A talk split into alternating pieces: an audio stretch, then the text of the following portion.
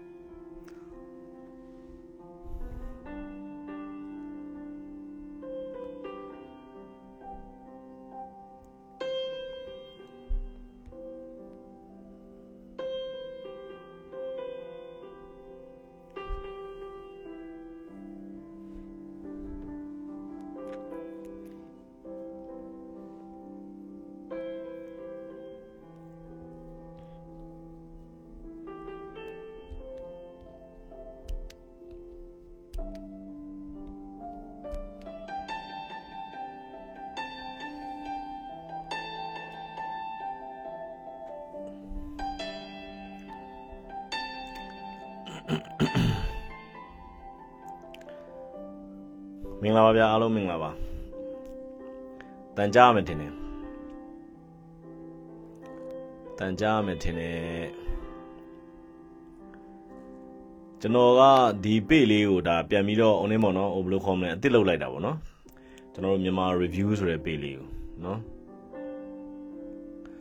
အားလုံးမင်္ဂလာပါဘာကြောင့်လဲဆိုတော့ကျွန်တော်ရဲ့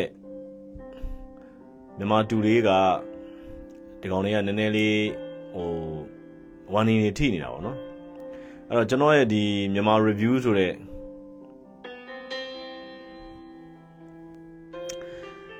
ကျွန်တော်ရဲ့မြန်မာ review ဆိုတဲ့ဒီ page လေးကိုလည်းเนาะဟိုနေမောဟို review လေးရေးပေးကြပါအောင်เนาะ review လေးရေးပေးကြပါအောင်ဘာကြောင့်လဲဆိုတော့ကျွန်တော်မြန်မာတူလေးကဒီကောင်တွေကဟိုဖြုတ်ချခြင်းတဲ့ပုံစံဖြစ်တာပေါ့နော်ဖြုတ်ချခြင်းတဲ့ပုံစံဖြစ်တဲ့အတွက်ကျွန်တော်ဒီကမြန်မာအခုက မြန်မာ review ဆိုတဲ့ဒီ page လေးကိုကျွန်တော်ဟိုနေလောက်ထားတာเนาะဟိုဘယ်လိုခေါ်မလဲအရန်လောက်ထားတာပေါ့နော်အရန်ထားထားတာပါဒါပါကျန်တာတော့ဘာမှမဟုတ်ပါဘူးဆိုတော့အဲ့တော့ကျွန်တော်ကဒီနေ့ပြောမှာเนาะမြန်မာပြည်ပဲလဲဆိုတဲ့ခေါင်းစဉ်နဲ့ပြောမှာเนาะမြန်မာပြည်ပဲလဲဆိုတော့ကျွန်တော်တို့ကဘာကြောင့်လဲဆိုတော့ဒီခေါင်းစဉ်ဘာလို့ပေးရလဲဆိုတော့ဟိုကျွန်တော်တို့မြန်မာပြည်ကလက်ရှိအခြေအနေလက်ရှိအနေအထားမှာ ဟိုလမ်းစုံလမ်းကွာရောက်နေပြီလို့ပြောလို့ရတယ်နော်လမ်းစုံလမ်းကွာဆိုတာမြန်မာပြည်တိုးတက်ချင်တာလားတူရီမုတ်နော်အဲ့ဒီဒီကျွန်တော်တို့ဒီနိုင်ငံရေးဆိုတဲ့နော်အုပ်စုတွေနိုင်ငံရေးဆိုတဲ့အုပ်စုတွေလုံနေတဲ့ဝဲအဲ့လိုပေါ့ဝဲကရက်ကြီးထဲမှာလဲနေကျင်တာလားဆိုတဲ့လမ်းကိုကျွန်တော်တို့ကရွေးရတော့မယ်နော်။ဘာကြောင့်လဲဆိုတော့ဒါကကျွန်တော်တို့မျိုးဆက်မှာနော် ကျွန်တော်တို့နောက်မျိုးဆက်တွေအတွက်တိုင်းပြည်ကိုဟာလာတည်ငြိမ်ခြင်းနဲ့အေးချမ်းခြင်းနဲ့ဖွံ့ဖြိုးတိုးတက်ခြင်းနဲ့ပြည်တွင်းစစ်တွေချုပ်ငြိမ်းခြင်းနဲ့ဆိုရင်တော့ကျွန်တော်တို့ကဟိုအုပ်ချုပ်မှုတွေကိုခဏခဏပြောင်းနေလို့မရတော့ဘူးเนาะအုပ်ချုပ်မှုတွေကိုခဏခဏပြောင်းနေလို့မရဘူးကျွန်တော်တို့ဟိုတိကျပြီးတော့ရေရာတဲ့ပြက်သားတဲ့เนาะခေါင်းဆောင်တယောက်ရဲ့အုပ်ချုပ်မှုနောက်ကိုကျွန်တော်တို့လိုက်ရတော့မယ်เนาะကျွန်တော်တို့လိုက်ရတော့မယ်တော့အဲ့တော့ကျွန်တော်တို့ ဒီအချိန်မှာဒါကမြန်မာပြည်သူအားလုံးကလည်းเนาะဒီအချိန်မှာမျောလင်းတောင်းတနေတာကတည်တည်ငြိမ်ငြိမ်ဖြစ်ချင်နေပြီเนาะဘာကြောင့်လဲဆိုတော့မြန်မာပြည်ဘေးပတ်လည်မှာရှိတဲ့เนาะဟိုဘယ်လိုခေါ်မလဲတိုင်းပြည်တွေအားလုံးကသူ့အောင်နဲ့သူပုံတရံမျိုးမျိုးနဲ့တိုးတက်နေကြတယ်เนาะတိုးတက်နေကြတယ်အဲ့တော့ကျွန်တော်တို့တိုင်းပြည်ရတာဟာလားတိုင်းပြည်လေးတိုးတက်မယ်ကြံကာရှိလိုက်နောက်ပြန်ဆွဲတဲ့အုပ်စုတွေကနေပြီးတော့ဟိုးဘာလဲ88ကိုဆွဲလိုက်82ကို62ကိုပြန်ဆွဲသွားလိုက် 84ကိုပြန်ဆွဲသွားလိုက်နေကျွန်တော်တို့တိုင်းပြည်ကဘလို့မှရှေ့မရောက်နိုင်တော့ဘူးဟာလားဒီဘက်ကတက်မတော်ကနေပြီးတော့ဟာလားတခါပြန်ဆွဲတွင်လိုက်ဟောလာပြန်ပြီတခါလည်းပြန်ပြီးတော့ဟာလား62ကိုပြန်ဆွဲပြန်ပြီ84ကိုပြန်ဆွဲပြန်ပြီဆိုတော့နိုင်ငံတော်ကနိုင်ငံတော်ရဲ့ဖွံ့ဖြိုးတိုးတက်မှုကဂျဲအေးသူ့အမေရိုက်တယ်လို့ဖြစ်နေတယ်အဲ့တော့ကျွန်တော်တို့ကဘာလဲဆိုတော့လက်ရှိစနစ်ကိုကျွန်တော်တို့ကခိုင်မာအောင်တည်တံ့အောင်လုပ်ရမယ်။နောက်ခေါင်းဆောင်မှုကိုတည်ငြိမ်အောင်ကျွန်တော်တို့သွားရတော့မယ်။ မရတော့ဘူး။ကျွန်တော်တို့ကဟလာခေါင်းဆောင်မှုတည်ငြိမ်အောင်လို့ကျွန်တော်ကပြောလိုက်လို့ရှိရင်ဟလာဒါခင်ဗျားတို့ပြောမယ်ဟလာအာဘာလဲဟိုဥနေဝင်းလို့တပါတီအာနာရှင်စင်းလို့ရတော့မဟုတ်ဘူး no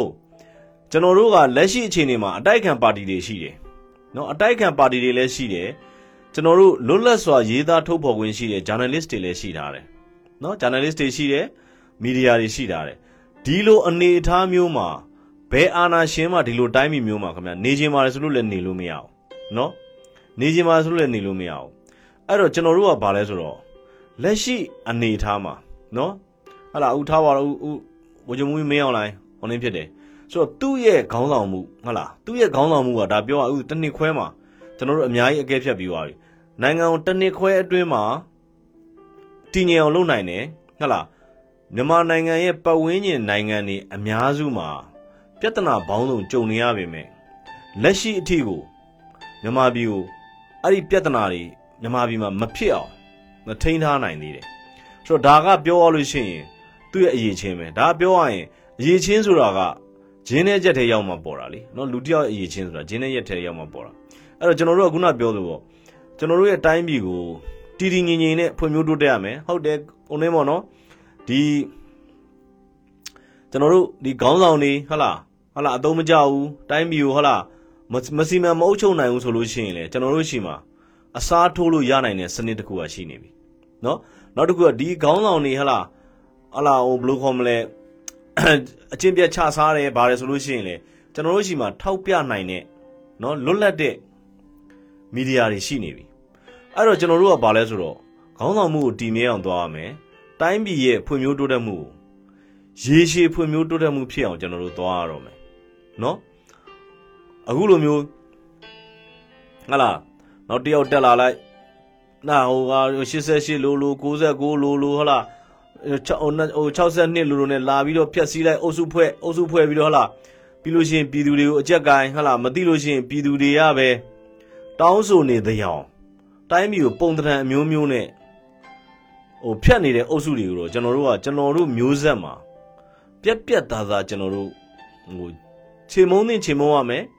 ခြံထားတင်ခြံထားရတော့မယ်เนาะရှင်းရှင်းလေးကျွန်တော်အမြဲပြောတယ်ကျွန်တော်တို့တိုင်းပြည်ကိုဟုတ်လားဒီဖြတ်နေတဲ့ပြောအဓိကအဖြစ်တော့ဒီနိုင်ငံရေးရောင်ရောင်အင်အားစုတွေပေါ့ဗျာเนาะကိုယ်တိုင်လည်းဘာမှနိုင်ငံရေးနားမလဲထောင်ထဲကထွက်လိုက်ဟလာဟိုပြမှုချိုးပေါက်ဒီပြမှုချိုးပေါက်လိုက်ထောင်ထဲပြန်ဝင်လိုက်ထောင်ထဲကပြန်ထွက်လာလို့ရှိရင်ဟလာထောင်မကြောက်တမ်းမကြောက်ဆိုတဲ့ပုံစံဖြစ်သွားပြီးတော့ဟာလာသူတို့ ਨੇ ဟိုပြောရရင်ဗျလူမိုက်တွေဟာလာဒီလမ်းဘေးကောင်တွေကိုစူးစီး ပြီးလို့ရှိရင်ဟာလာចောင်းသားနာမည်တက်ပြီးလို့ရှိရင်တိုင်းပြည်ကိုပြန်ပြီးတော့ဘယုတ်ဒုက္ခဖြစ်အောင်ပြန်လုပ်ဒါတွေနဲ့ပဲလေပတ်နေတာနော်ဒါတွေနဲ့ပဲလေပတ်နေဒါတွေကကျွန်တော်တို့ကပြောရရင်ဒီအုံနင်းတွေကိုကျွန်တော်တို့ကထားခဲ့ဖို့ထားခဲ့ရတော့မယ့်အချိန်ရောက်နေပြီနော်ထားခဲ့ရတော့မယ့်အချိန်ရောက်နေပြီအဲ့တော့ကျွန်တော်တို့ကတစ်ကဒီရှေ့ဆက်သွားမဲ့မြန်မာနိုင်ငံမှာတည်ငြိမ်အေးချမ်းပြီးတော့အားလုံးပါဝင်နိုင်တဲ့နော် နိုင်ငံရေးအခင်းချင်းတည့်တည့်ရက်ကိုကျွန်တော်တို့ကသွားရမယ်ကျွန်တော်တို့မြန်မာနိုင်ငံရဲ့2010 2011 2012နိုင်ငံရေးအခင်းချင်းကအရန်ကောင်းတယ်နော်အရန်ကောင်းတယ်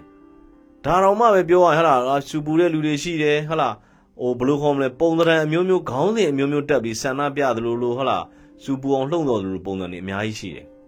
နော်ဒါပေမဲ့မြန်မာပြည်ကဖွံ့ဖြိုးတိုးတက်မှု လမ်းကြောင်းပေါ်ကိုရောက်အောင်သွားနိုင်တယ်လို့ကျွန်တော်ဒီ2008ဖွဲ့စည်းပုံအခြေခံဥပဒေဆိုတဲ့ဒီ common platform ကြီးပေါ်မှာနော်ကျွန်တော်တို့ဟလားမိမိကြိုက်ချင်တဲ့ပါတီကြိုက်လို့ရတယ်မိမိလှုပ်ချင်တဲ့အလုပ်ကိုလွတ်လွတ်လပ်လပ်လုပ်လို့ရတယ်စူပူအောင်မလှုံ့ဆော်ရင်ပေါ့ဗျာတိုင်းပြည်ပြက်အောင်မလှုံ့ရင်ပေါ့နော်ကျောင်းသားတမကတွေကိုလည်းဟလားကျောင်းသားတမကအစာအုပ်တွေပေးခဲ့တယ်ကျောင်းသားတမကမှာရှိတဲ့ဟလားခေါင်းဆောင်တွေဟလားလူငယ်ခေါင်းဆောင်တွေကိုလည်း နေရာပေးတယ်ဟလာသူတို့ပြောဖို့အတွက်ဟလာဟိုနင်းနေဟိုဘယ်လိုခေါ်မလဲကျွန်တော်တို့ဒီ stage တွေပေါ့နော် stage ဆိုတာကျွန်တော်တို့ဒီစင်မြင့်ပေါ့နော်ဟိုအဝန်းအဝိုင်းတွေတိဆောက်ပေးခဲ့တယ်အဲ့လိုပဲစာပေပညာရှင်တွေအတွက်ဗမာတပြည်လုံးနှံ့ပြီးတော့ကြိုက်တဲ့ပုံစံပြောခွင့်ပေးခဲ့တယ်နော်ဒါ2011 2010 2011 2012 2013 2014 2015နိုင်ငံရေးအခင်းကျင်းအဲ့ဒီနိုင်ငံရေးအခင်းကျင်းကို မတည်ငြိမ်အောင်လုပ်ခဲ့တာဘယ်သူတွေလဲနော်ဟုတ်လားငါအာနာရမှငါအာနာမရရင်နင်တို့တိုင်းပြည်ဟာတီတီငင်ငင်မနေသေးရဘူးဆိုပြီးတော့ဗမာပြည်တစ်ပတ်လုံးပတ်ပြီးတော့ဟုတ်လားဟမ်ပြဿနာအမျိုးမျိုးရှာခဲ့တာဘယ်သူတွေလဲဒါခင်ဗျားတို့သိရတဲ့အတိုင်းပဲနော်အဲ့တော့ကျွန်တော်တို့ကအဓိကဘာလဲဆိုတော့မြန်မာပြည်ကိုရှေ့ဆက်သွားမယ်ဆိုလို့ရှိရင်နော်ကျွန်တော်တို့ရဲ့ဟုတ်လားလက်ရှိနော်ဟိုသွားနေတဲ့နိုင်ငံရေးပုံသဏ္ဍာန်မျိုးကို ကျွန်တော်တို့ကတည်ငြိမ်တဲ့နော်အခုကျွန်တော်တို့2008ဖွဲ့စည်းပုံအခြေခံဥပဒေဆိုတဲ့ common platform ပေါ်မှာတည်ဆောက်ထားတဲ့ဒါဟာဒီမိုကရေစီဟုတ်လားဒီမိုကရေစီနိုင်ငံကိုသွားမဲ့ platform တစ်ခုဖြစ်တယ်ဒါဟာဒီမိုကရေစီဆိုတဲ့နော်ဒီမိုကရေစီဆိုတာကခုနကျွန်တော်တို့ပြောသလိုပေါ့ဘယ်လိုခင်ဗျားတို့ဘယ်ပေတံနဲ့တိုင်းပါလဲအမေရိကန်ပေတံနဲ့တိုင်းရင်အဲ့အမေရိကန်နဲ့ပတ်သက်တဲ့ကောင်ကအမေရိကန်ပေတံနဲ့တိုင်းမယ်ဟောအင်္ဂလန်နဲ့ပတ်သက်တဲ့ကောင်ကအင်္ဂလန်နဲ့တိုင်းမယ်နော် အဲ့တော့ဟိုကထားပါတော့ဗျာဥရောပနဲ့ပတ်သက်တဲ့ကောင်ဥရောပပေတံနဲ့တိုင်းမယ်အဲ့လိုကိုကိုတိထားတဲ့ပေတံလောက်နဲ့တိုင်းနေလို့မရတော့ဘူးကျွန်တော်တို့တိုင်းပြည်ကဟာလားကျွန်တော်တို့တိုင်းပြည်နဲ့အံဝင်ခွင်ကြဖြစ်တဲ့ဒီမိုကရေစီပေတံနဲ့ပဲကျွန်တော်တို့ကတိုင်းရမယ်ကျွန်တော်တို့အဲ့ဒါကြောင့်အရင်တော့ကဆိုကျွန်တော်တို့ပြောခဲ့ဘူးတယ်နိုင်ငံခြားကိုထွက်သွားတဲ့လူတွေကိုသတိထားပါ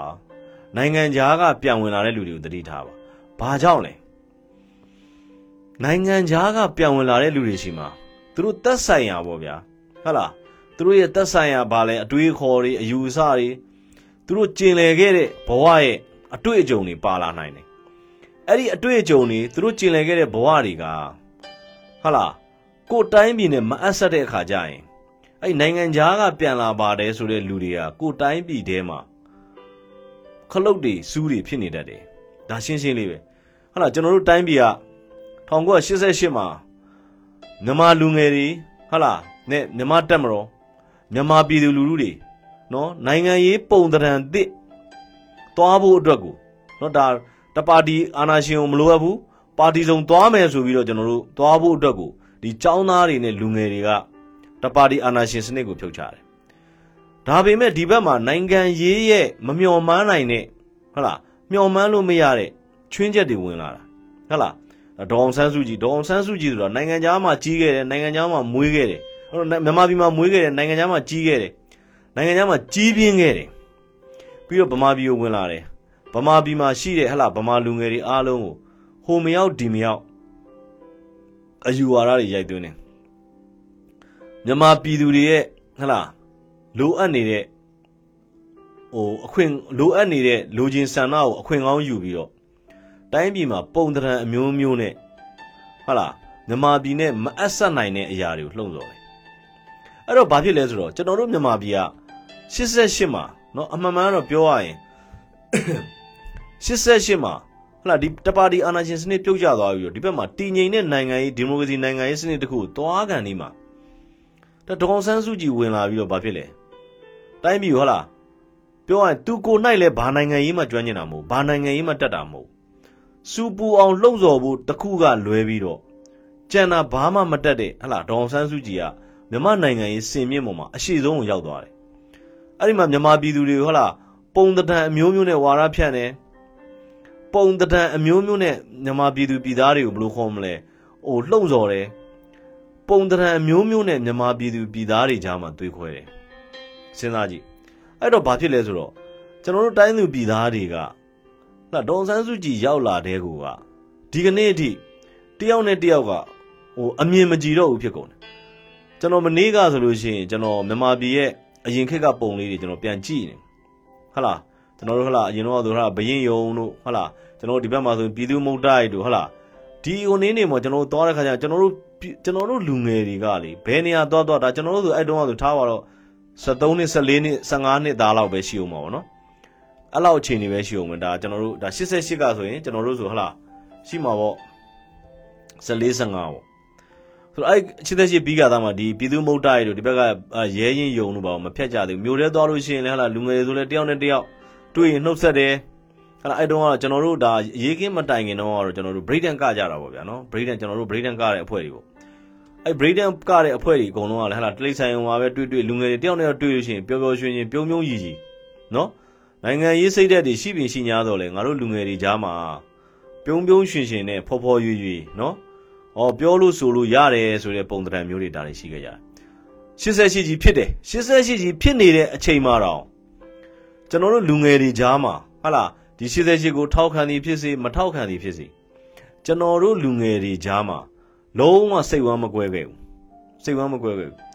ဒါပေမဲ့ဘာဖြစ်လဲဆိုတော့ဒီ88ကြီးမှာ ဒေါအောင်ဆန်းစုကြည်ရှေ့ကနေဥဆောင်ပြီးတော့ပါဝင်လာတဲ့ဟိုကကျွန်တော်တို့မြန်မာလူထုကြားမှာတယောက်နဲ့တယောက်ကြားမှာအမုန်းစိတ်တွေဝီယောဒီတွေအာဃာတတွေမယုံကြည်မှုတွေအကုန်ပေါ်ပေါက်လာတယ်စဉ်းစားကြည့်ကျွန်တော်တို့တစ်ခါလေကြာလို့ရှိရင်ကျွန်တော်တို့ကပြန်တွေးမိလို့ရှိရင်အတော်စိတ်ဆင်းရဲစရာကောင်းတယ်လို့မြန်မာပြည်ကဒီတိုင်းနိုင်ငံဒီနိုင်ငံဒီပုံစံအတိုင်းဆက်သွားနေရင်ကျွန်တော်တို့တိုင်းသူပြည်သားတွေကဘယ်လို့မှနော်လွတ်လပ်မှုတို့ငြိမ်းချမ်းမှုတို့မရနိုင်ဘူး တီးအလားအမေရိကန်ပေးတာကြွေးတာကိုစားထားတဲ့လူတွေကအမေရိကန်ပြောခိုင်းတဲ့စကားကိုပြောမယ်အင်္ဂလိပ်ပေးတာကြွေးတာကိုစားထားတဲ့လူတွေကအင်္ဂလိပ်ပြောခိုင်းတဲ့စကားပြောမယ်ဥရောပမှာရှိတဲ့နိုင်ငံကလူတွေဟလာပေးတာကြွေးတာစားထားတဲ့လူကဥရောပပုံစံပြောမယ်ဟောဂျပန်ကပေးတာကြွေးတာစားထားတဲ့လူကဂျပန်ပုံစံပြောမယ်ဆိုအဲ့လူတွေအားလုံးကမြန်မာနိုင်ငံရေးထဲမှာပုံစံအမျိုးမျိုးနဲ့လာပတ်တန်တယ်အဲ့တော့အဲ့အတန်နေအားလုံးကိုမြန်မာနိုင်ငံရေးထဲမှာဟုတ်လား ပုံတရံအမျိုးမျိုးနဲ့လာပြီးတော့သူတို့ဆရာတွေပြောလိုက်တာကိုလာပုံဖော်နေတယ်။မြန်မာပြည်သူလူထုတွေအမှန်တကယ်လိုချင်တဲ့ပုံတရံမဟုတ်ဘူး။နော်။သူတို့ကမြန်မာပြည်သူလူထုတွေကိုသူတို့ကရှေ့ရနေပြီးတော့ဟာလားနိုင်ငံရေးကိုဒွိတိုက်ဆွဲခေါ်တယ်။နိုင်ငံရေးကိုဒွိတိုက်ဆွဲခေါ်ပြီးတော့ပြည်သူတွေကပဲသူတို့ပြောတာကြီးကိုလုံနေတဲ့ရောင်ရောင်ပြည်သူတွေကပဲဟာလားသူတို့နောက်ကိုတကယ်စိတ်ပါဝင်စွာစွာလိုက်နေတဲ့ရောင်ရောင်မီဒီယာတွေကနေတစ်ဖက်ကဟာလားမီဒီယာတွေကနေပြီးတော့ လှုံ့ဆော်ပေးတယ်နော်နေညမပြတ်လှုံ့ဆော်ပေးတာနော်ကျွန်တော်တို့ဒီ2000ခွန်ဘုံကြီးအေးခင်းပြီးတော့အဲ့ကစပြီးတော့ဟုတ်လား BBC VOA ဆိုတနေ့ကို9ချိန်လားအချိန်20လားမသိဘူးထုတ်လွှင့်မယ်ဆိုတဲ့ပုံစံဖြစ်လာတယ်အဲ့တော့ဘာဖြစ်လဲဆိုတော့တစ်ဖက်မှာရှိတဲ့ဟုတ်လားဒီအတန်တွေကိုပဲကျွန်တော်တို့တိုင်းသူပြည်သားတွေကတနေ့တနေ့ကြားနေရတော့အမားကြီးကိုလည်းအမှန်ထင်ကိုယ်အိမ်ရှိမှဖြစ်နေတာကိုမမြင်တော့ဘူးဒီလေဒီယိုကမပြောမချင်းကိုယ်အိမ်ရှိမှဖြစ်နေတာ ကိုယ်အဝင်းဝိုင်းမှာဖြစ်နေတာမှန်သလားမှားသလားခွဲခြားမှုမရှိတော့ဒီလေဒီယိုတွေ BBC တို့ VOA တို့ RFA တို့ကခွဲခြားခိုင်းမှာဟာဒါကြီးကအမှန်ဟေ့ဆိုမှသူတို့အမှန်ထင်ကုန်တယ်ဒါကြီးကအမှားဟေ့ဆိုမှအမှားထင်ကုန်တယ်အဲ့ဒီလောက်အထိကိုကျွန်တော်တို့လူအဖွဲ့စည်းကချုပ်ကန်ခံလိုက်ရတယ်နော်ဒေါ်ဆန်းစုကြည်ရဲ့ပေါက်ပန်း40ဝါရတွေကျွန်တော်တို့တွေကိုရိုက်သွင်းခံလိုက်ရတယ်ဒီကနေ့ဒီအချိန်ထိဒေါ်ဆန်းစုကြည်ကသူဘာဝါရကင်ဆွဲထားပြီးတော့ ပါတီထောင်နေဆိုတာမြန်မာလူမျိုးတွေသိခွင့်မရဘူးဒီမိုကရေစီဆိုတာမြန်မာဟိုဝါရမဟုတ်ဒီမိုကရေစီဆိုတာကျင့်စဉ်တရုတ်မှာလည်းဒီမိုကရေစီဟလာကွန်မြူနစ်မှာလည်းဒီမိုကရေစီရှိတယ်ဆိုရှယ်လစ်မှာလည်းဒီမိုကရေစီရှိတယ်အရင်းရှင်ကပီတယ်လစ်မှာလည်းဒီမိုကရေစီရှိတယ်ကျွန်တော်တို့ဒီမြောက်ကိုရီးယားမှာလည်းသူ့ရဲ့ဒီမိုကရေစီရှိတာအဲ့တော့ဒီမိုကရေစီဆိုတာဝါရမဟုတ်ကျွန်တော်တို့သွားမှာဟလာနိုင်ငံရေးစနစ်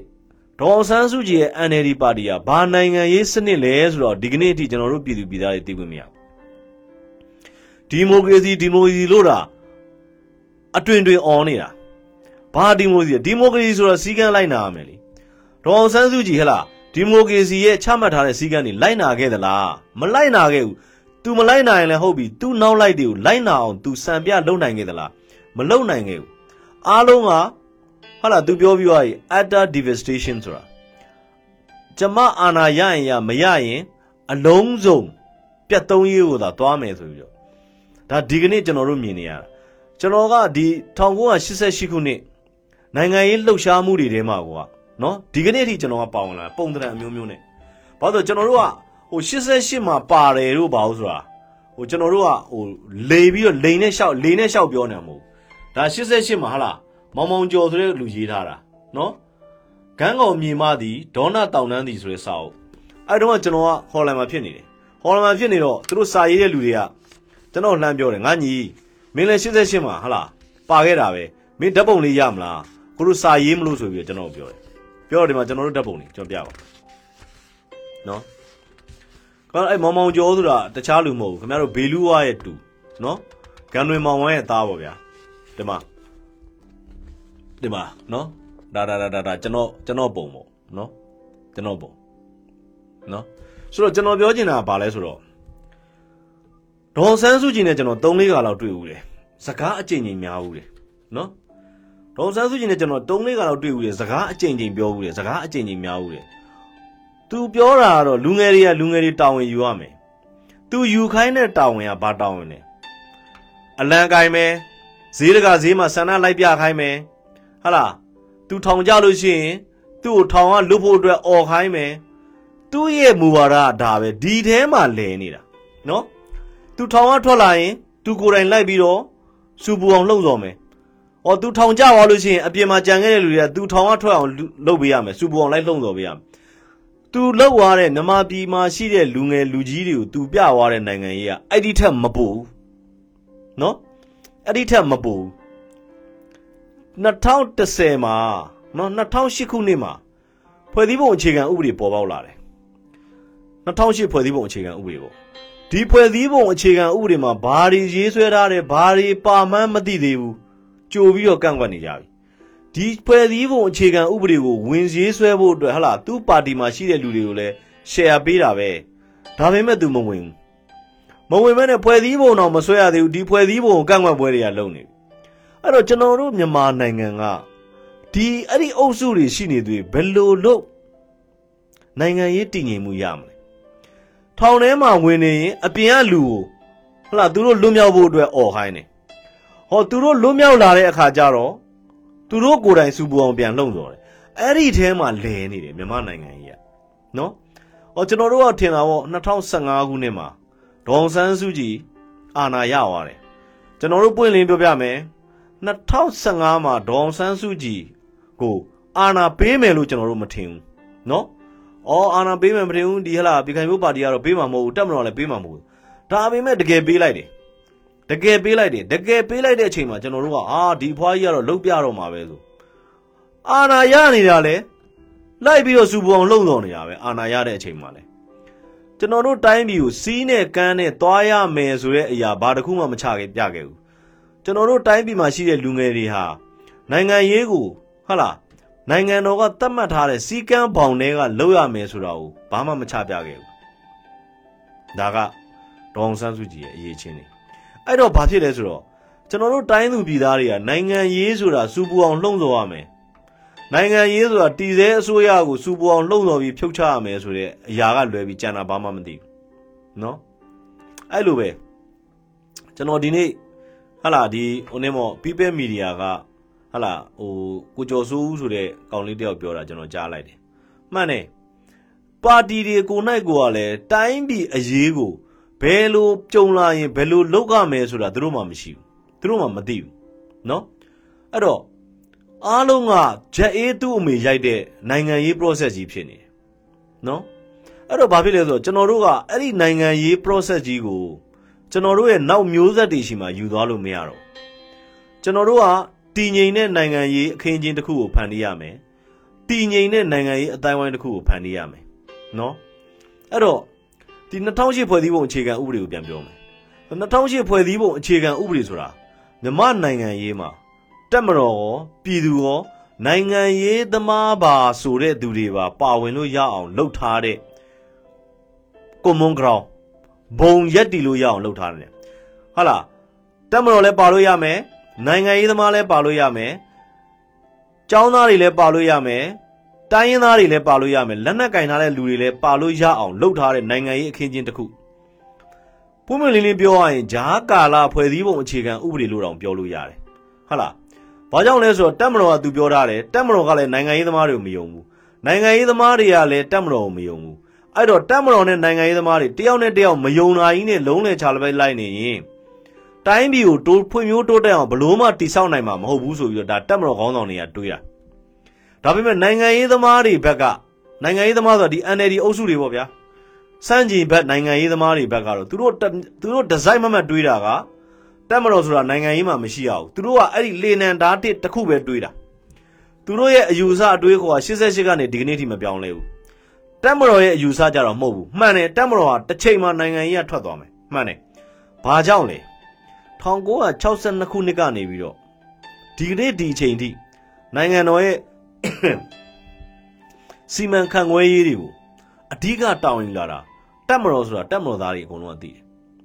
အဲ့ဒီတော့အဲ့ဒီတက်မတော်ကြီးဟာရုတ်တရက်ကြီးနိုင်ငံရေးကကောက်ထွက်လိုက်လို့ရှိရင်ဒီနိုင်ငံရေးသမားတွေအားလုံးကဟာလားဒီတက်မတော်တစ်ဖက်စီဖဲ့ပြီးတော့မလုပ်မလဲသူတို့ကပိုက်ထဲထဲတော့မယ်သူတို့ကပိုက်ဆောင်နဲ့ထဲမယ်ပြည်သူလူထုကိုလည်းဟာလား သူတို့နဲ့သူတို့ကိုထောက်ခံတဲ့ပြည်သူကိုပုံစံတစ်မျိုးသူတို့ကိုမထောက်ခံတဲ့ပြည်သူကိုပုံစံတစ်မျိုးဆိုပြီးတော့ divide and rule တွေလုပ်ကြတော့မယ်အဲ့တော့တက်မတော်ကဘာလဲဆိုတော့နိုင်ငံတော်ဘက်ကရက်တည်လိုက်တာတက်မတော်ကပွင့်လင်းပြောရရင်နိုင်ငံတော်ကိုဟလာခုနပြောသူပေါ့ကျွန်တော်တို့ဒိုးတာဝန်အရေး၃ပါးဘက်ကနေရက်တည်လိုက်တာပြည်တော်စုမပြိုခွဲရေးတိုင်းရင်းသားစည်းလုံးညီညွတ်မှုမပြိုခွဲရေးအချုပ်ချာအာဏာတည်တံ့ခိုင်မြဲရေးဒီဘက်ကနေတက်မတော်ကအသေးထိုင်လိုက်တာနော်အဲ့တော့ ဒီနိုင်ငံရေးသမားတွေလက်ထဲကိုအာဏာကို လုံးလုံးလျားလျားနော်အချိန်တိုတွင်းမှာအပ်လိုက်ရင် တိုင်းပြည်လည်းလွယ်မှာမဟုတ်ဘူးပြည်သူလူထုလည်းလွယ်မှာမဟုတ်ဘူးတက်မတော်လည်းလွယ်မှာမဟုတ်ဘူးအဲ့တော့ဘာဖြစ်လဲဆိုတော့ပုံတံအမျိုးမျိုးနဲ့တိုင်းပြည်ဟာတက်မတော်ကွဲမယ်ဟဟလားတိုင်းပြည်ကွဲမယ်နော်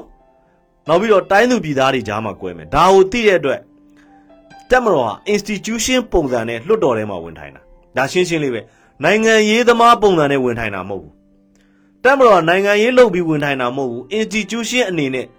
တိုင်းပြည်နဲ့ပြည်သူဘက်ကရက်ပြီးဝင်ထိုင်တာအဲ့ဒါကို2015ကနေပြီးတော့ဟာလာအခုထောင်ထဲမရောက်ခင်အထိဒီနိုင်ငံရေးသမားပါဆိုတဲ့အုပ်စုတွေကဘာလုပ်လဲတစ်ချိန်လုံးတိုင်းပြည်ဖွံ့ဖြိုးတိုးတက်အောင်မလုပ်ဘူးတစ်ချိန်လုံးတိုင်းပြည်ကိုဟာလာဒီမိုကရေစီစနစ်နဲ့ တည်ငြိမ်အောင်မဖန်တီးဘူးတစ်ချိန်လုံးတိုင်းသူပြည်သားတွေရဲ့အလုပ်ကံရရှိရေးဝင်ငွေမြင့်မားရေးအတတ်ပညာရရှိရေးဒါတွေမဖန်တီးဘူးတစ်ချိန်လုံးမှာဟာလာနော်ပထမဆုံးစပြီးတော့လှုံ့ဆော်မှုတွေလုပ်တာ Victoria Justice for Victoria နဲ့လူလူကြားမှာလှုံ့ဆော်မှုတွေလုပ်တယ် Justice for Victoria ပြီးသွားတဲ့ခါကျတော့ဘာဖြစ်လဲကျွန်တော်တို့ ICJ နဲ့လှုံ့ဆော်မှုတွေလုပ်တယ်နော် အဲ ICJ နဲ့လှုံ့ဆော်မှုတွေလုပ်တဲ့အချိန်မှာကျွန်တော်တို့မြန်မာပြည်ကကံကောင်းကျင်တော့ကိုဗစ်ကြီးဖြစ်လိုက်လို့ကိုဗစ်တာမဖြစ်လို့ရှိရင်ရွေးကောက်ပွဲပြီးတဲ့အထိကိုပုံတံအမျိုးမျိုးနဲ့လှုံ့ဆော်မှုတွေနဲ့ပဲအာဏာကိုမရရအောင်ယူပြီးတော့နောက်ထပ်ဟလာတက်တန်းတစ်လျှောက်မှာတက်မတော်နဲ့ကိုထိတ်တိုက်တိုးမှာအဲ့ကြရင်ကျွန်တော်တို့တိုင်းပြည်ကဘာဖြစ်မလဲအဲ့ကြရင်ကျွန်တော်တို့တိုင်းပြည်မှာဟလာတက်မတော်နှစ်ချမ်းကွဲမယ်ပြည်သူကြားမှာနှစ်ချမ်းကွဲမယ်ဆိုတော့အဲ့လိုပေါ့အဲ့တော့ကျွန်တော်ကပြောချင်တာကဘာလဲဆိုတော့ ကျွန်တော်တို့ကဟာလာ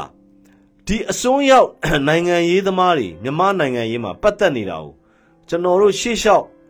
နော်နောက်မျိုးဆက်တွေလက်ထက်မှာမရှိအောင်ကျွန်တော်တို့ကလုပ်ရတော့မယ်နော်တက်မတော်ကလည်းကျွန်တော်တို့တိုင်းပြည်ပေါ်မှာသူ့ရဲ့ဟာလာဟိုနေဘယ်လိုခေါ်မလဲ concern ရှိတယ်သူ့ရဲ့စိတ်ပူမှုရှိတယ်နော် တက်မတော်ဘက်ကလည်းသူ့ရဲ့တိုင်းပြည်ပေါ်မှာစိုးရိမ်စိတ်ရှိတယ်မှန်တယ်နိုင်ငံရေးသမားတွေဘက်ကလည်းစိုးရိမ်စိတ်ရှိလိမ့်မယ်ဒါပေမဲ့နိုင်ငံရေးသမားတွေစိုးရိမ်တာနဲ့တက်မတော်ကစိုးရိမ်တာမတူဘူးနော်မတူဘူးနိုင်ငံရေးသမားတွေစိုးရိမ်တာကသူတို့အာဏာမရမှာစိုးရိမ်တာတက်မတော်စိုးရိမ်တာကတိုင်းပြည်နှချမ်းကွဲသွားမှာတို့တက်မတော်ပြိုကွဲသွားမှာတို့နော်အဲ့ဓာတွေကိုစိုးရိမ်တာဘာကြောင့်လဲဆိုတော့ ဒီတက်မတော်ထဲမှာအစင်အဆက်ကတယောက်နဲ့တယောက်လက်ဆင့်ကမ်းခဲ့တာကတက်မတော်ကနော်1950 49 50ကစပြီးတော့ရောင်စုံတပုံတွေကိုနော်တကယ်ရှေ့တန်းကနေနှိမ်နှင်းခဲ့တာတက်မတော်1950ကနေပြီးတော့ဟလာကျွန်တော်တို့58 58ကနေ62ထိပေါ့ဗျာမြန်မာတပြည်လုံးကလက်နက်ကင်စုမှုတောင်းကျမ်းမှုတွေကိုအဲ့ဒါကအဲ့ဒီအချိန်ကတက်မတော်တာမရှိခဲ့ရင် မြန်မာပြည်သူတွေကပြောရရင်ဘယ်သူအားကိုးလို့အားကိုးရမှမသိဘူးဖြစ်နေမှာကျွန်တော်တို့ကမ္ဘောဒီးယားလို့ဖြစ်နေမှာဗီယက်နမ်ကဝင်တိုက်လိုက်အမေရိကန်ကဝင်တိုက်လိုက်ကမ္ဘောဒီးယားစစ်တပ်ဟိုနေမဖြစ်ခဲ့အချိန်ကမခိုင်မာမတောင့်တင်းတဲ့အချိန်ကအဲ့တော့တက်မတော်ရဲ့စိုးရင်စိတ်ကဘာလဲဆိုတော့ဒီနိုင်ငံရေးသမားတွေဟာနော်ငါတို့တိုင်းပြည်အကြောင်းကိုငါတို့လောက်မသိသေးဘူးအဲ့တော့ဒီနိုင်ငံရေးသမားတွေကတိုင်းပြည်ကိုအုပ်ချုပ်နာသူတို့ကိုသူတို့အုပ်ချုပ်ပါဦးသူတို့ အုပ်ချုပ်လာနိုင်တဲ့အထိနော်ပြောရရင်နိုင်ငံရေးသမားတွေကိုပခုံးနဲ့ထမ်းတင်မိတာပေါ့ဗျာတက်မတော်ရဲ့သဘောတရားဒါဒါပေမဲ့တစ်ဖက်ကနိုင်ငံရေးသမားပါဆိုတဲ့လူတွေကနော်ပုံတတန်အမျိုးမျိုးနဲ့နော်ပုံတတန်အမျိုးမျိုးနဲ့တိုင်းပြည်စူပူအောင်လုပ်ပြီးတော့ပြောရရင်တက်မတော်အကြိုက်အကြက်ရအောင်လုပ်တာပေါ့ဗျာနော်တိုင်းပြည်ကိုစူပူအောင်လုပ်မယ်သူတို့ကိုထောက်ထောက်ခံသည်ဖြစ်စေမထောက်ခံသည်ဖြစ်စေ အဲ့ဒီတိုင်းပြည်ကိုဟိုနင်းဖြစ်မဲ့ဘယ်လိုခေါ်မလဲစူပူအောင်လုပ်ထားပြီးတော့မှဒီဘက်ကနော်ဟိုသူတို့အာဏာကိုမရရအောင်ယူမှာပေါ့ဗျာဒါမျိုးပေါ့ဟုတ်လားအခုကျွန်တော်တို့2021အရေးခင်းမှလည်းကြည်လိုက်နော်ကျွန်တော်တို့ပြောပြတာကဒီအရေးခင်းအတွင်းမှာဒီအရေးခင်းကြီးကဖြစ်ပေါ်လာစရာဒီအရေးခင်းကြီးကိုဖန်တီးစရာအကြောင်းမရှိဘူးဘာကြောင့်လဲ တက်မတော်ကပြောထားပြီးသားကျွန်တော်တို့ဖွဲ့စည်းပုံအခြေခံဥပဒေအရလုံးမှာဖွဲ့စည်းပုံအခြေခံဥပဒေမှာနော်မြန်မာပြည်ရဲ့ဟလာဒီအွန်နင်းကနေပြီးတော့အရေးပေါ်အခြေအနေမှာတက်မတော်ကတိုင်းပြည်ကိုဘလောက်အုပ်ချုပ်လို့ရတယ်ဆိုတာပါပြီးသားအဲ့ဒီပါပြီးထားတာကိုလည်းအဲ့2015အစိုးရ2015မှာအနိုင်ရတဲ့ဒီ NLD အုပ်စုတွေဒေါအောင်ဆန်းစုကြည်အုပ်စုတွေအကုန်လုံးကသိပြီးသားနော် တက်မတော်ကအာနာမထိန်ရင်လို့ပုံတရံအမျိုးမျိုးပုံတရံအမျိုးမျိုးလုပ်ပြတယ်နော်နောက်ဆုံးမြပြောရရင်တင်ကားတွေမောင်းပြတယ်နောက်ဆုံးမလုပ်လဲဟာလာကျွန်တော်တို့အနေနဲ့အာနာထိန်မယ်လည်းမပြောလို့မရဘူးမထိန်လို့လည်းအာမမခံပါဘူးလို့အဲ့လောက်အထိထုတ်ပြောလာတဲ့အထိဘာဒါပါကြောင့်လဲနော်တိုင်းပြည်မှာနောက်တစ်ချိန်စစ်အာဏာသိမ်းမှုဆိုတာကိုတက်မတော်ကမလိုလားဘူးအဲ့တော့တက်မတော်ပြောတာရှင်းရှင်းလေး ခမတို့နိုင်ငံရေးကိစ္စကိုနိုင်ငံရေးသမားတွေကြီးပဲရှင်းလိုက်ပါလို့ပြောထားတယ်အဲ့ဒါပြောတာလဲတရားဝင်ပြောတာအဲ့တော့တစ်ဖက်အုပ်စုကဘာလဲဆိုတော့ပြည်သူကိုဟာလာလူကိုယ်တိုင်ထွက်ပြီးတော့လှုံ့ဆော်ရင်လှုံ့ဆော်မလှုံ့ဆော်ရင်တစ်ဖက်မှာရှိတဲ့အတန်လွင့်ဌာနတွေကနေပြီးတော့ပုံသဏ္ဍာန်မျိုးမျိုးနဲ့လှုံ့ဆော်မယ်နော်ဆိုအဲ့လိုဟုတ်လားဒီတက်မတော်ကာဝေးဦးစီးချုပ်လက်ရှိကျွန်တော်တို့ဒီ နိုင်ငံတော်အိမ်ဆောင်အစိုးရဝန်ကြီးချုပ်ဗိုလ်ချုပ်မူကြီးမင်းအောင်လှိုင်ကိုနိုင်ကိုကစာနဲ့ရေးပြီးတော့နော်တမိုင်းဝင်စာနဲ့ရေးပြီးတော့ပြောတာတော့ဒီမီဒီယာတွေကဗာပြောလဲဒီတက်မတော်ဒီလက်ရှိဟလာဒီနိုင်ငံတော်အိမ်ဆောင်အစိုးရဝန်ကြီးချုပ်ကပဲတမရယာဒူးလိုချင်တယ်လို့လို့ကောလာဟာလာတွေလိုက်ဖြန့်တယ်နော်အဲ့တော့ဘာဖြစ်လဲဆိုတော့တိုင်းပြည်ကနိုင်ငံရေးပုံသဏ္ဍာန်ကိုသွားရတယ်မရှိဘူးနော် နိုင်ငံရေးပုံသဏ္ဍာန်သွားရတယ်ကိုမရှိဘူးတိုင်းပြည်ကပုံသဏ္ဍာန်မျိုးမျိုးနဲ့လှုံ့ဆော်နေတဲ့လူငယ်တွေဘဝတွေလည်းမတည်ငြိမ်ဘူးလူကြီးတွေဘဝတွေလည်းမတည်ငြိမ်ဘူးစီးပွားရေးသမားတွေရဲ့ဘဝတွေလည်းမတည်ငြိမ်ဘူးနိုင်ငံရေးသမားတွေရဲ့ဘဝလည်းမတည်ငြိမ်ဘူးပေါ့အဲ့တော့ကျွန်တော်တို့ကဘာလဲဆိုတော့ဥလာမဲ့နော်ကျွန်တော်တို့ရဲ့ next generation တွေကိုအဲ့ဒီလိုပုံစံမျိုးတွေကျွန်တော်တို့ဆက်ပြီးတော့လက်ဆင့်မကမ်းကျင်တော့ဘူးအဲ့တော့ဘာဖြစ်လဲဆိုတော့ကျွန်တော်တို့ကခိုင်မာတဲ့အစိုးရတရက်ကိုနော် လက်ရှိဟုတ်လားလက်ရှိဖွဲ့စည်းပုံအခြေခံဥပဒေအတိုင်းခိုင်မာတဲ့အစိုးရတရက်ကိုဖွဲ့စည်းဖို့အတွက်ကျွန်တော်တို့ကတွန်းအားပေးရလိမ့်မယ်နော်တွန်းအားပေးရလိမ့်မယ်ဘာကြောင့်လဲဆိုတော့ဒီဟလာဒီသားပါတော့ဗျာဒီနိုင်ငံရေးသမားပါဆိုတဲ့ကျွန်တော်ဟိုနေ့ပြေးလိုက်မယ်ဗျာဟိုနည်းနည်းလေးရရင်ပြောလိုက်မယ်ဒီထောင်တွက်အုပ်စုတွေကဒီနိုင်ငံရေးဆိုတဲ့အထဲမှာကျင်လည်ပြီးလှုပ်ရှားလှုပ်ရှားနေသည်နော် ကျွန်တော်တို့တိုင်းပြည်ကပုံစံမျိုးမျိုးနဲ့ဟိုဟိုဘယ်လိုခေါ်မလဲလုံတော်ခံနေရအောင်ပါပဲအဲ့တော့ဘာဖြစ်လဲဆိုတော့ဟာလားကျွန်တော်အခုလာမယ်ဟာလားရွေးကောက်ပွဲကျင်းပဖို့များမယ်ထင်တယ်နော်ရွေးကောက်ပွဲကျင်းပလာလို့ရှိရင်လေကျွန်တော်တို့ကပြောရလို့ရှိရင်ဟာလားအခုလက်ရှိဟာလားဒီဒီနိုင်ငံရေးသမားပါဆိုတဲ့ဒီထောင်ထွက်အုပ်စုတွေကိုတော့ကျွန်တော်တို့က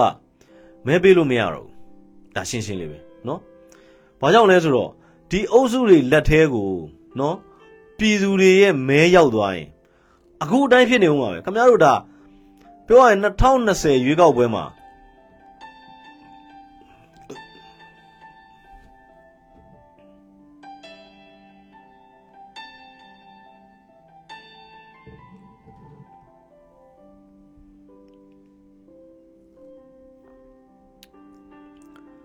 အခုဖြစ်နေတဲ့ပြဿနာက 2020ရွေးကောက်ပွဲမှာ NLD ကိုမဲပေးလိုက်တဲ့အကျိုးဆက်ပဲကျွန်တော်တို့ပြောထားပြီးပြီ NLD ကလူလူကိုလွမ်းမော်ဆွဲတင်တာလွယ်ပြီးဘာလုံးမှမလုပ်တတ်ဘူးလို့ကျွန်တော်တို့အရင်တည်းကပြောထားတယ်နော်ကုတ်ပြီထားပါတော့လူလူကမန်ဒိတ်ပေးလိုက်ပြီဟုတ်ပြီမြန်မာနိုင်ငံရေးနဲ့ဆိုင်တဲ့ကိစ္စကိုမင်းတို့လုပ်ပါလို့ပြောတယ်အဲ့လိုပြောနေတဲ့အချိန်မှာဟာလာတစ်ဖက်ကမဲခိုးတာတွေသွားတွေ့တယ်သွားတွေ့တဲ့အချိန်မှာဒါဘလို့ပဲဖြစ်ဖြစ်နိုင်ငံရေးရဖြည့်ရှင်းရမယ်ပုံတံနော် တက်မတော်ကလည်းပြောထားတယ်နိုင်ငံရေးအရာဖြည့်ရှင်းမှာဒီကိစ္စကိုကျုပ်တို့ကခမားတို့မှားနေတဲ့ဟာတွေကိုထောက်ပြတာတာဖြစ်တယ်တက်မတော်ကဒါပဲဒါပေမဲ့ဒီကိစ္စတွေကိုနိုင်ငံရေးအရာမဖြည့်ရှင်းမဲနဲ့ဟုတ်လားလူလူကိုလမ်းပေါ်ဆွဲတင်တယ်နော်အဲ့တော့ဘာဖြစ်လဲအဲ့တော့ဘာအောင်နေ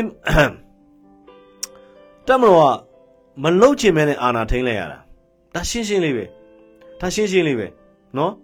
အခုလက်ရှိအခြေအနေမှာနော်ကျွန်တော်ဒါပြီးရင်ကျွန်တော်ဗာပြောမလဲဆိုတော့ဒါကကျွန်တော်တို့အဲ့တော့ကျွန်တော်တို့ကနော်ဒါပြီးလို့ရှိရင်ကျွန်တော်နောက်ပိုင်းမှာဟိုမြန်မာပြည်ဘယ်လဲဆိုတော့ကျွန်တော်အဆုံးသတ်ပေးပါမယ်နော်အဲ့တော့ဘာဖြစ်လဲဆိုတော့လက်ရှိအခြေအနေမှာနော်ကျွန်တော်တို့ PDF အကြောင်းလေးလည်းပြောပါသလိုအဲ့တော့လက်ရှိအခြေအနေမှာ PDF စကန်တွေတော်တော်များများကြာနေပြီနော် PDF စကန်တွေတော်တော်များများ PDF ဆိုတဲ့လူငယ်တော်များပုံတံမျိုးမျိုးနဲ့ထွက်ပြေးနေကြပြီနော် နောက်တစ်ခုကဘာလဲဆိုတော့သူတို့ဒီအလူကန်နဲ့ခွက်ခေါက်အုပ်စုကြားမှာလည်းပြဿနာတွေအများကြီးတက်နေကြပြီနော်ပြဿနာတွေအများကြီးတက်နေကြပြီနောက်တစ်ခုကဟာလာဟိုတနေ့ကဆိုလို့ရှိရင်ဒီခွက်ခေါက်အုပ်စုကိုနော်ဒီဒီအလူခံစားနေတဲ့အုပ်စုကိုအဓိကပတ်စံထောက်ပံ့နေတဲ့နော်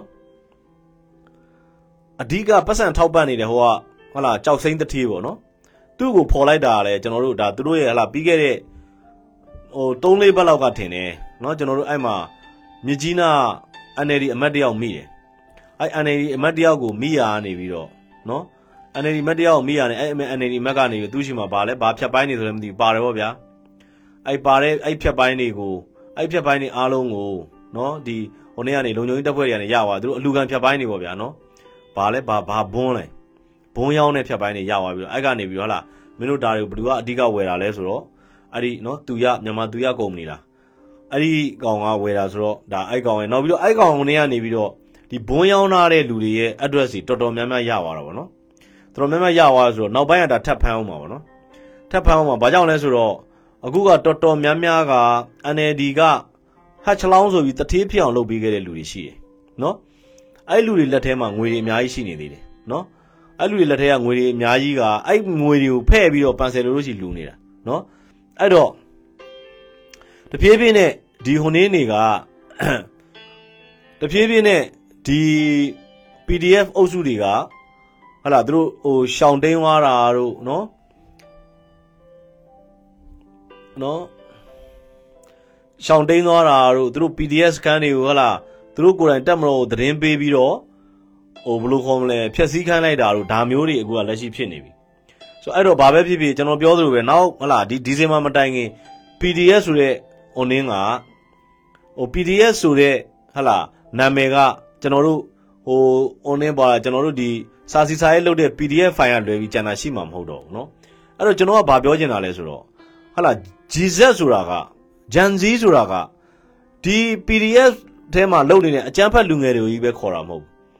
ကျွန်တော်တို့ဒီကနေ့ခေတ်လူငယ်တွေအားလုံးကို Gen Z လို့ခေါ်တယ်အကျန်းမဖတ်ဘဲနဲ့ဟလာသူတို့ရဲ့လူငယ်ဘဝကိုလူငယ်ပုံတံပျော်ရွှင်နေတဲ့လူငယ်အားလုံးဒါ Gen Z တွေကြီးပဲ အဲ့တော့ပျော်ရွှင်နေတဲ့လူငယ်တွေလူငယ်ဘဝကိုလူငယ်တံဖြတ်စည်းနေတဲ့လူငယ်လူငယ်တံဖြတ်တန်းနေတဲ့လူငယ်တွေနော်နောက်တစ်ခုကငိမ့်ညမ်းရေးနဲ့တိုင်းပြည်ဖွံ့ဖြိုးတိုးတက်ရေးကိုလိုချင်တဲ့လူငယ်တွေဟာဒီအချိန်မှာဟုတ်လားသူတို့ရဲ့ညီညွတ်မှုကိုတိဆောက်ထားရမယ်နော်သူတို့ရဲ့ညီညွတ်မှုကိုတိဆောက်ထားရမယ်တိဆောက်ထားပြီးတော့မြန်မာပြည်ရဲ့လာမယ့်အနာဂတ်နိုင်ငံရေးပုံသဏ္ဍာန်တစ်ကို အဲ့ဒီငိမ့်ညမ်းရေးကိုလိုလိုအပ်တဲ့လူတွေလူငယ်တွေကသာဖော်ဆောင်အောင်မှာဖြစ်တယ်မြန်မာပြည်ရဲ့လာမယ့်နိုင်ငံရေးပုံသဏ္ဍာန်တစ်ဟာငိမ့်ညမ်းစွာနေလူသော လူငယ်တွေလူငယ်ဘဝကိုလူငယ်ကဲသို့ဖြတ်တန်းကျင်သောလူငယ်တွေနော်အဲ့ဒီလူငယ်တွေရဲ့လက်ထဲမှာသာရှိနေရမှာဖြစ်တယ်အဲ့တော့ကျွန်တော်တို့ကလက်ရှိအနေအထားမှာကျွန်တော်ခုနပြောခဲ့သလိုအကျန်းဖက်ကိုအကျန်းဖက်တာကိုဟုတ်လား ဟိုလက်နက်တစ်ခုလိုအသုံးပြုတဲ့လူငယ်တွေကသူတို့ရဲ့ဇလန်းကသူတို့လမ်းကသူတို့ဘောက်သူတို့ဖောက်ပြီးသွားပြီเนาะသူတို့လမ်းကမပြန်လန်းဖောက်လိုက်ပြီအဲ့တော့ကြံခဲ့တဲ့လူငယ်တွေကဒီဟလာလက်နက်ကင်ပြီးတော့အကျန်းဖက်နေတဲ့လူငယ်တွေကိုဘာမှကြောက်စရာမလိုဘူးเนาะဘာမှကြောက်စရာမလိုဘူးဟလာသူတို့အနေနဲ့သူတို့ရဲ့ငြိမ်းချမ်းစွာနေလို့သောเนาะအဲ့စိတ်တွေကိုเนาะအဲ့ဒီလုပ်ငန်းစဉ်တွေကိုဒီချိန်မှာဖော်ဆောင်ရမယ်เนาะ ဟာလာဥမာចောင်းသားတမကတွေပြန်လှုပ်ရှင်နေဆိုလှုပ်လို့ရတယ်ဟာလာနိုင်ငံရေးစိတ်ဝင်စားတဲ့လူငယ်တွေကလည်းနိုင်ငံရေးဝင်ပါလို့ရတယ်စီးပွားရေးစိတ်ဝင်စားတဲ့လူငယ်တွေကလည်းစီးပွားရေးလုပ်လို့ရတယ်ဆိုပုံသဏ္ဍာန်အမျိုးမျိုးပေါ့နော်အဲ့တော့ဒါပေမဲ့အခုလာမဲ့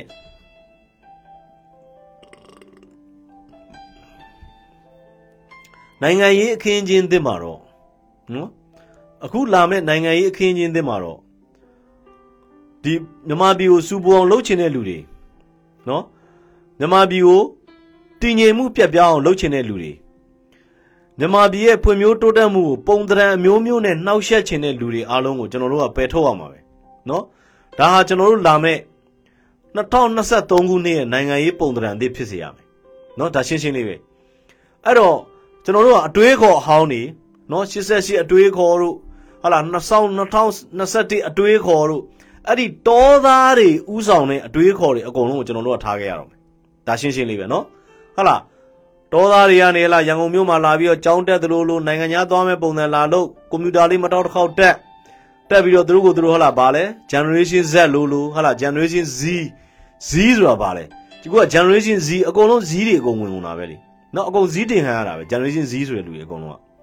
ဆိုတော့အဲ့တော့ဘာဖြစ်လို့လဲဆိုတော့ဒီတောသားတွေဥဆောင်တဲ့နိုင်ငံရေးစနစ်ကိုကျွန်တော်တို့ကဖျောက်ပြရတော့ နော်ကျွန်တော်တို့ဟလာတကယ်တိုးတက်လို့သောလူငယ်တွေခေဟောင်းစနစ်ဟောင်းအတွေးခေါ်ဟောင်းတွေကိုနောက်မှခြံထားမဲ့လူငယ်တွေဒီသာနောင်လာမဲ့အနာဂတ်နိုင်ငံရေးမျိုးဆက်တစ်ခုကိုဥဆောင်ရလိမ့်မယ်ဒါရှင်းရှင်းလေးပဲเนาะနောက်တစ်ခုကဘာလဲဆိုတော့ကျွန်တော်တို့ကပြည်သူတွေပေါ့နော်လက်ရှိအခြေအနေမှာပြည်သူတွေတော်တော်များများလည်းတည်ငြိမ်မှုကိုလိုလားနေပြီ နော်တည်ငြိမ်မှုကိုလိုလားတယ်လက်ရှိမှာမဟုတ်ပါဘူးအရင်တည်းကပါဒါပေမဲ့အရင်တုန်းကဘာဖြစ်လဲဆိုတော့ဒီလက်ရှိဟလာ NLD အုပ်စုတွေရဲ့ပြောရရင်ဗျာဟိုဘယ်လိုခေါ်မလဲချင်းညောက်စီယုံခင်းခံရတဲ့လူတွေအများကြီးရှိတယ်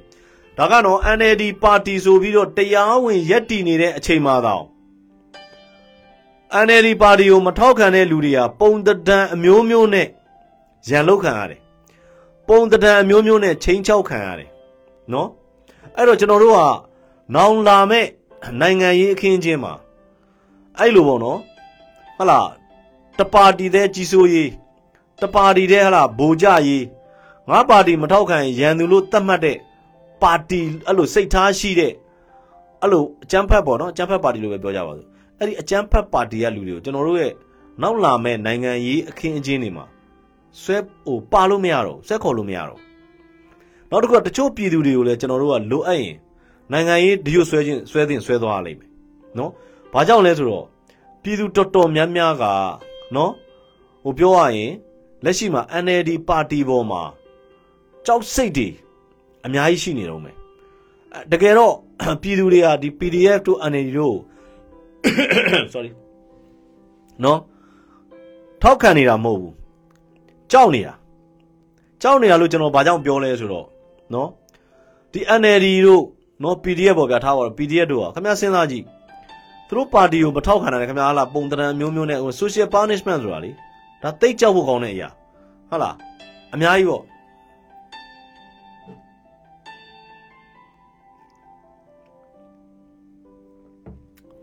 အဲ့တော့ခုနပြောသလိုနော်လက်ရှိအခြေအနေမှာကျွန်တော်တို့က ပြန်လည်ထူထောင်ရေးအရက်သားတွေအနေနဲ့ကပြန်လည်ထူထောင်ရေးခေတ်ကိုပြန်လည်ပြန်လည်ထူထောင်ရေးလုပ်ငန်းစဉ်မှာဝိုင်းဝိုင်းဝန်းကူညီလို့ရသလိုတစ်ဖက်မှာနိုင်ငံရေးသမားတွေနဲ့တက်မတော်ကောင်းဆောင်တွေနဲ့ငြိမ်းချမ်းစွာနေလို့တဲ့လက်နက်ကင်တွေအနေနဲ့ကလည်းနိုင်ငံရေးပုံစံသစ်တစ်ခုကိုချမှတ်ရမယ့်အချိန်ဖြစ်နေပြီเนาะကျွန်တော်တို့တိုင်းပြည်အနေနဲ့ကကျွန်တော်နောက်ပိုင်းကဒီမြန်မာ review ဆိုတဲ့ page မှာကကျွန်တော်နောက်ပိုင်းကမြန်မာပြည်ရဲ့နိုင်ငံရေးပုံစံသစ်ကဘယ်လိုတွေဖြစ်တင်လဲမြန်မာပြည်ရဲ့နိုင်ငံရေးပုံစံသစ်မှာ လူလူလူဒန်းသားတွေအနေနဲ့ဘယ်လိုပါဝင်လို့ရနိုင်တယ်ဒီလူလူလူဒန်းသားတွေအတွက်ကိုဘယ်လို space တွေပေးလို့ရတယ်ဆိုတာမျိုးကျွန်တော်ဒါမျိုးလေးတွေပြောပါမယ်เนาะဆိုတော့မြန်မာပြည်ရဲ့နိုင်ငံရေးပုံစံသစ်ကိုထုစစ်မဲ့တဲမှာပါဖို့အတွက်ငြိမ်းချမ်းစွာနေလိုတဲ့လူငယ်တိုင်းငြိမ်းချမ်းစွာနေလိုတဲ့တိုင်းသူပြည်သားတိုင်းနော်ငြိမ်းချမ်းစွာနေလိုတဲ့တိုင်းရင်းသားတိုင်းနိုင်ငံစွာနေလိုတဲ့ လက်နက်ကင်အဖွဲ့အစည်းတိုင်းကမြန်မာပြည်ရဲ့နိုင်ငံရေးပုံစံအသစ်မှာဘယ်လို space တွေနဲ့ပါဝင်လို့ရမလဲဆိုတာကျွန်တော်နောက်နောက်ပိုင်းဒါတွေပြောသွားပြီမယ်နော်။ဘာကြောင့်လဲဆိုတော့ကျွန်တော်တို့မြန်မာလူမျိုးတွေဟာမြန်မာနိုင်ငံသားတွေဟာဒီကနေ့ဒီအချိန်ထိဒီမိုကရေစီအရာခိုင်မာတဲ့ဖွဲ့စည်းပုံအခြေခံဥပဒေတအုပ်ရှိနေတယ်ဒီဒီမိုကရေစီကိုအာမခံထားတဲ့ခိုင်မာတဲ့ဖွဲ့စည်းပုံအခြေခံဥပဒေကြီးရှိနေတာတော့ဒီအခြေခံဥပဒေကြီးကို နှစ်နှစ်ကာကာထောက်ခံခွင့်မရဘူးဖြစ်နေတယ်နော်ဒီအခြေခံဥပဒေကြီးကိုလူကြားထဲမှာမဖတ်ရဲဘူးဖြစ်နေတယ်ကျွန်တော်ပြောချင်တာက2008ဖွဲ့စည်းပုံအခြေခံဥပဒေကိုခင်ဗျားတို့သေချာဖတ်ကြည့်ပါနော်ကဘာပေါ်မှာရှိတဲ့ကြိုက်တဲ့ဖွဲ့စည်းပုံအခြေခံဥပဒေနဲ့နှိုင်းယှဉ်လို့ရတယ်နော်2008ဖွဲ့စည်းပုံအခြေခံဥပဒေဟာကျွန်တော်တို့တိုင်းပြည်လက်ရှိမြန်မာပြည်အတွက်ကိုလုံးဝရေမရောတဲ့ဒီမိုကရေစီကိုအာမခံပေးထားတဲ့ဖွဲ့စည်းပုံအခြေခံဥပဒေပဲ လူတဦးချင်းစီရဲ့လွတ်လပ်ခွင့်တွေလူတဦးချင်းစီရဲ့တီထွင်ကြံစပိုင်ခွင့်တွေလူတဦးချင်းစီရဲ့နော်လွတ်လပ်စွာနိုင်ငံရေးလုပ်ပိုင်ခွင့်တွေပညာသင်ကြားပိုင်ခွင့်တွေလူတဦးချင်းစီရဲ့လွတ်လပ်စွာစီးပွားရှာပိုင်ခွင့်တွေအားလုံးကိုအာမခံပေးထားတဲ့ဖွဲ့စည်းပုံအခြေခံဥပဒေကိုပြပါဆိုရင်2008ဖွဲ့စည်းပုံအခြေခံဥပဒေကိုပဲပြရမယ်နော်ဒီ2008ဖွဲ့စည်းပုံအခြေခံဥပဒေဒီတာ ကျွန်တော်တို့မြန်မာပြည်မှာရှိတဲ့နိုင်ငံရေးအခင်းချင်းအားလုံးကိုဘုံကွန်မွန်ဂရောင်းအနေနဲ့ကိုစားပြုနိုင်လိမ့်မယ်။ဒါရှင်းရှင်းလေးပဲနော်။နောက်တစ်ခုကအခုကဘာဖြစ်လဲဆိုတော့နော်ကျွန်တော်ခုနကျွန်တော်တို့အရင်တော့ကကျွန်တော်ပြောခဲ့တဲ့ online ထဲမှာလိုပဲလာမယ့်17လပိုင်းမှာလက်ရှိနိုင်ငံတော်အိမ်ဆောင်အစိုးရရဲ့ကိုယ်စားလှယ်ကိုကုလသမဂ္ဂမှာလက်ခံတော့မယ်။နော်ဆိုတာကိုနော်ရင်းဟေဇာက ဟိုရိတ်မွက်ပြောရင်ပြောသွားမှာပေါ့အဲ့ဒါလဲကြားလဲကြားရောတစ်ဖက်ကဟလာဒီအကျန်းဖက်အုပ်စုတွေပေါ့ဗျာထားပါတော့ဟလာလူ10ယောက်မပြည့်တဲ့နော်ဇင်မောင်အောင်တို့အုပ်စုတွေဘာလို့လဲလူအဖွဲ့အစည်းပေါင်းဘာလဲလူဘာလဲသူတို့ပြောတယ်ဘာလဲလူအဖွဲ့အစည်းပေါင်း286ဖွဲ့ကနော်ရင်းဟေဇာနေရာမှာအစားထိုးပေးဖို့ကန့်ကွက်တယ်ဆိုတော့ကျွန်တော်ပြောပြမယ်တကဘာလုံးပေါင်းလိုက်ရင်တော့ တက်ကြွလှုပ်ရှားသူအဖွဲ့အစည်းက100မကျော်ဘူးမြန်မာပြည်နဲ့ပတ်သက်ပြီးမှဘလို့ဖြစ်လို့286ဖွဲ့ဖြစ်ကုန်တာလို့ကျွန်တော်စဉ်းစားကြည့်တော့ဇင်မအောင်ကင်ထားတဲ့အဖွဲ့အကြီးပဲဇင်မအောင်ပတ်စံယူပြီးတော့နော်ဇင်မအောင်ပတ်စံယူပြီးဖွဲ့ထားတဲ့အဖွဲ့အကြီးပဲနော်အဖွဲ့90လောက်ရှိတယ်အဖွဲ့90လောက်ရှိတယ်ပန်ဆယ်လိုဖွဲ့ထားတဲ့အဖွဲ့တွေပါမယ်ဗျာနောက်ပြီးတော့ဘလူးတွေပါနောက်ပြီးတော့ဟာလားအခု ဟာလားမျိုးရနောင်သိန်းဖွဲ့ထားတဲ့အဖွဲ့တွေအဲ့ဒီအဖွဲ့တွေကြီးပဲပေါင်းလိုက်လို့ရှိရင်ပဲ200လောက်ဖြစ်နေပြီဆိုတော့အဲ့တော့သူတို့ကဟိုဘလို့ခေါ်မလဲလူလူကိုပုံတံအမျိုးမျိုးနဲ့နော်လူလူကိုပုံတံအမျိုးမျိုးနဲ့ဂျင်းထဲတာသူတို့ဘက်မှာမီဒီယာတွေရှိတယ်ဆိုပြီးတော့နော်အဲ့တော့ကျွန်တော်တို့ကလည်းကျွန်တော်အမြဲပြောပါတယ်ကျွန်တော်ကမြန်မာမီဒီယာအန်တုမှုကိုမြန်မာပြည်မှာမြန်မာမီဒီယာအန်တုမှု project ကို ကျွန်တော်ပထမဆုံး project ပုံစံနဲ့လုပ်လာတဲ့လူเนาะအဲ့တော့မီဒီယာတွေအကြောင်းကိုနောကြည်အောင်သိတယ်လို့အဲ့ဒီမီဒီယာတွေမှာလုပ်နေတဲ့လူတွေကဘယ်သူတွေလဲဆိုတာလည်းကျွန်တော်တို့ကောင်းကောင်းသိတယ်အဲ့တော့တစ်ဖက်ကဒီတက်ကြွလှုပ်ရှားသူလိုလိုနိုင်ငံရေးသမားသူလိုဟလားဒီဆန္ဒပြတဲ့အလုပ်နဲ့စူပူအောင်လုပ်တဲ့အလုပ်ကလွယ်ပြီးကျန်တာဘာမှမတက်တဲ့အုပ်စုတွေကဒီသတင်းသမားပါဆိုတဲ့အုပ်စုတွေသတင်းဌာနပါဆိုတဲ့အုပ်စုတွေ ਨੇ ပုံတံအမျိုးမျိုးနဲ့ညှိနှိုင်းပြီးတော့ ကျွန်တော်တို့တိုင်းပြည်ကိုရှေ့မရောက်အောင်လုပ်မှာပဲအဲ့တော့ကျွန်တော်တို့တိုင်းသူပြည်သားတွေကလည်းနော်ကျွန်တော်တို့တိုင်းသူပြည်သားတွေကလည်းအဲ့ဒါကိုကြံ့ကြံ့ခံရမယ်ကြံ့ကြံ့ခံပြီးတော့ဟလားကျွန်တော်တို့ဘာလုပ်ရမလဲဆိုတော့အခုဟလာတိုင်းသူပြည်သားတွေကျွန်တော်တို့မြန်မာပြည်ရှိတဲ့အခုလူငယ်ဟိုနေပေါ့နော်လူကြီးလူငယ်တွေလုပ်နေတယ်လို့ပဲ PDF တွေ့ရင် PDF လို့မတင်ကြတာနဲ့ဗျာသတင်းနာပေးပြနော်သူ့ဘောက်သူဟလာရဲစကန်တို့ဒီစာဘာတို့ကသူတို့ဟောသူတို့စစ်ကြောပြီးတော့ရှင်းသွားလိမ့်မယ် PDF လို့မတင်ကြဘူးဆိုတာနဲ့သတင်းပေးပလိုက်ဟုတ်လားဆိုတော့အဲ့လိုမျိုးပေါ့အဲ့ဒီလိုဆက်သွားမှပဲကျွန်တော်တို့တိုင်းပြည်ဟာရှေ့ရောက်တော့မယ်နော်ဘာကြောင့်လဲဆိုတော့ဒီကောင်တွေကပြောရရင်လူက1ယောက်လောက်2ယောက်လောက်နောက်ပြီးတော့လူက9ယောက်လောက်9ယောက်လောက်ပြောတနေ့ကရွှေကုံဖျားရှိမှာနော်ရွှေကုံဖျားရှိမှာဆန္ဒပြသွားရဆိုတာလူ9ယောက်လောက်ရှိတယ်လူလေးက9ယောက်လောက်အဲ့တော့သူတို့အဲ့လိုဆန္ဒပြတဲ့လူတွေကိုဝိုင်းဖမ်းမှာဆိုလို့ဘာလုပ်လဲဆိုတော့ဟာလာသူတို့နဲ့ မတည့်တဲ့လူတွေကိုတနက်နဲ့လိုက်ပြပြတယ်ဒလန်လို့အမိတက်ပြီးပုံစံမျိုးမျိုးနဲ့ပေါ့ဗျာ online ဖြစ်ပြတယ်အဲ့တော့ကျွန်တော်တို့ရှေ့မှာလာလို့ရင်တော့ဟုတ်လားဒါတော့ဗျာအဲ့လိုပေါ့ကျွန်တော်တို့ကလည်းတယောက်နဲ့တယောက်သိပြီးတော့မိမ့်မပြတ်ချင်ထားပါတော့နော်ထားပါတော့အဲ့တော့ဘာဖြစ်လဲဆိုတော့ကျွန်တော်တို့လက်ရှိမှာတိုင်းသူပြည်သားတွေကလည်းလက်ရှိအတိုင်းပဲဆက်လက်ပူးပေါင်းပါဝင်ရမယ်ဒီ PDF ကကျွန်တော်တို့ထင်သလောက်တော့နောက်2လ3လဆိုလို့ရှိရင် PDF ဆိုတာမရှိတော့ဘူး နော် PDF ဆိုတာတောထဲမှာလည်းမရှာနဲ့နော်မြို့ပေါ်မှာလည်းမရှာနဲ့လူငယ်တွေတော်တော်များများပြောရရင်ဗျာတချို့တွေကချင်းညောက်ပြီးစီယုံခံရတာများတယ်ဗျာနော်ချင်းညောက်ပြီးစီယုံခံရတာများတယ်အဲ့တော့ကြောက်ကြောက်နဲ့ PDF ဖြစ်သွားတဲ့လူတွေကသုံးပုံနှစ်ပုံလုံးရှိတယ်နော်သုံးပုံနှစ်ပုံလုံးရှိတယ်ဆိုတော့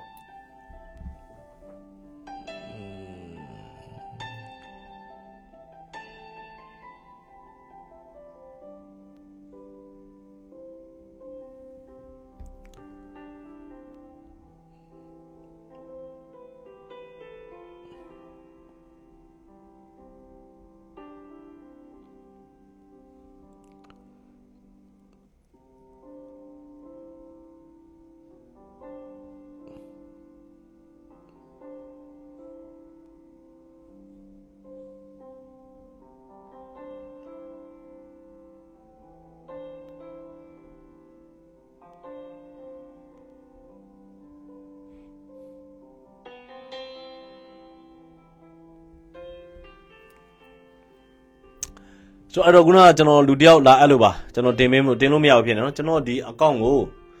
ကျွန်တော်ဒီအကောင့်ကိုလူတက်ပြီးတော့စကားပြောလို့မရအောင်သူတို့ပိတ်ထားတဲ့သဘောရှိတယ်အဲ့တော့ကျွန်တော်တို့ဒီနေ့ဆွေးနွေးခဲ့တဲ့ခေါင်းစဉ်ကမြန်မာပြည်ဘယ်လဲပေါ့နော်အဲ့တော့မြန်မာပြည်ကခုနကကျွန်တော်ပြောသလိုပဲကျွန်တော်တို့ကတည်ငြိမ်တဲ့အစိုးရတရက်ကိုဖန်တီးရမယ်တည်ငြိမ်တဲ့အစိုးရတရက်ကိုရေရှည်တည်တံ့အောင်ကျွန်တော်တို့ဖန်တီးရမယ်အဲ့ပေါ်ပေါက်လာတဲ့အခုလာမယ့်ဟလာ2023မှာရွေးကောက်ပွဲလုပ်ဖြစ်တယ်ဆိုလို့ရှိရင်အဲ့ပေါ်ပေါက်လာတဲ့အစိုးရကိုကျွန်တော်တို့တိုင်းသူပြည်သားတွေအားလုံးကပံ့ပိုးရမယ်ကူညီရမယ်အစိုးရနဲ့ကျွန်တော်တို့တသားတဲ့ တိုင်းသူတိုင်းပြည်ပြန်လည်ထူထောင်ရေးခါတွေကိုကျွန်တော်တို့လှုပ်ဆောင်ရလိမ့်မယ်နော်အဲ့တော့ကျွန်တော်ရဲ့ဒီညအတွက်ဟလာကျွန်တော်တို့ဒါကျွန်တော်ရဲ့ဒီ page လေးကိုလည်းကြီးညာရင်းနေပေါ့နော်ကျွန်တော်ဒီညဟိုနေ့ဖြစ်တာပါနော်ဒီကနေပြအဲ့တော့ကျွန်တော်တို့ဒီနေ့က23ရက်8လ2022ပေါ့နော်အဲ့တော့ကျွန်တော်ဒီနေ့ပြောခါဒီနေ့ကျွန်တော်တို့မြန်မာ review ဆိုတဲ့ page ကကျွန်တော်ပြောခဲ့တာကတော့မြန်မာပြည်ဘယ်လဲဆိုတဲ့ခေါင်းစဉ်နဲ့ပြောခဲ့ရဖြစ်ပါတယ်နော်ကျွန်တော်တို့ဟိုဘက်ကသူတို့ report ထုတာတွေများတဲ့သဘောဖြစ်နေတယ်ဗျနော်အဲ့ဒါကြောင့်ပါအဲ့တော့ကျွန်တော်ဒီမှာလဲကျွန်တော် review လေးရေးပေးကြပါအောင်နော်အားလုံးကိုကျေးဇူးတင်ပါဗျ ကျွန်တော်ဒီညအတွက်တော့ကျွန်တော်ရဲ့ online ကိုကျွန်တော်ရဲ့ဆွေးနွေးမှုကိုကျွန်တော်ဒီမှာပဲနေကုန်းချုပ်မှာဖြစ်ပါတယ်အားလုံးကိုကျေးဇူးတင်ပါဗျာ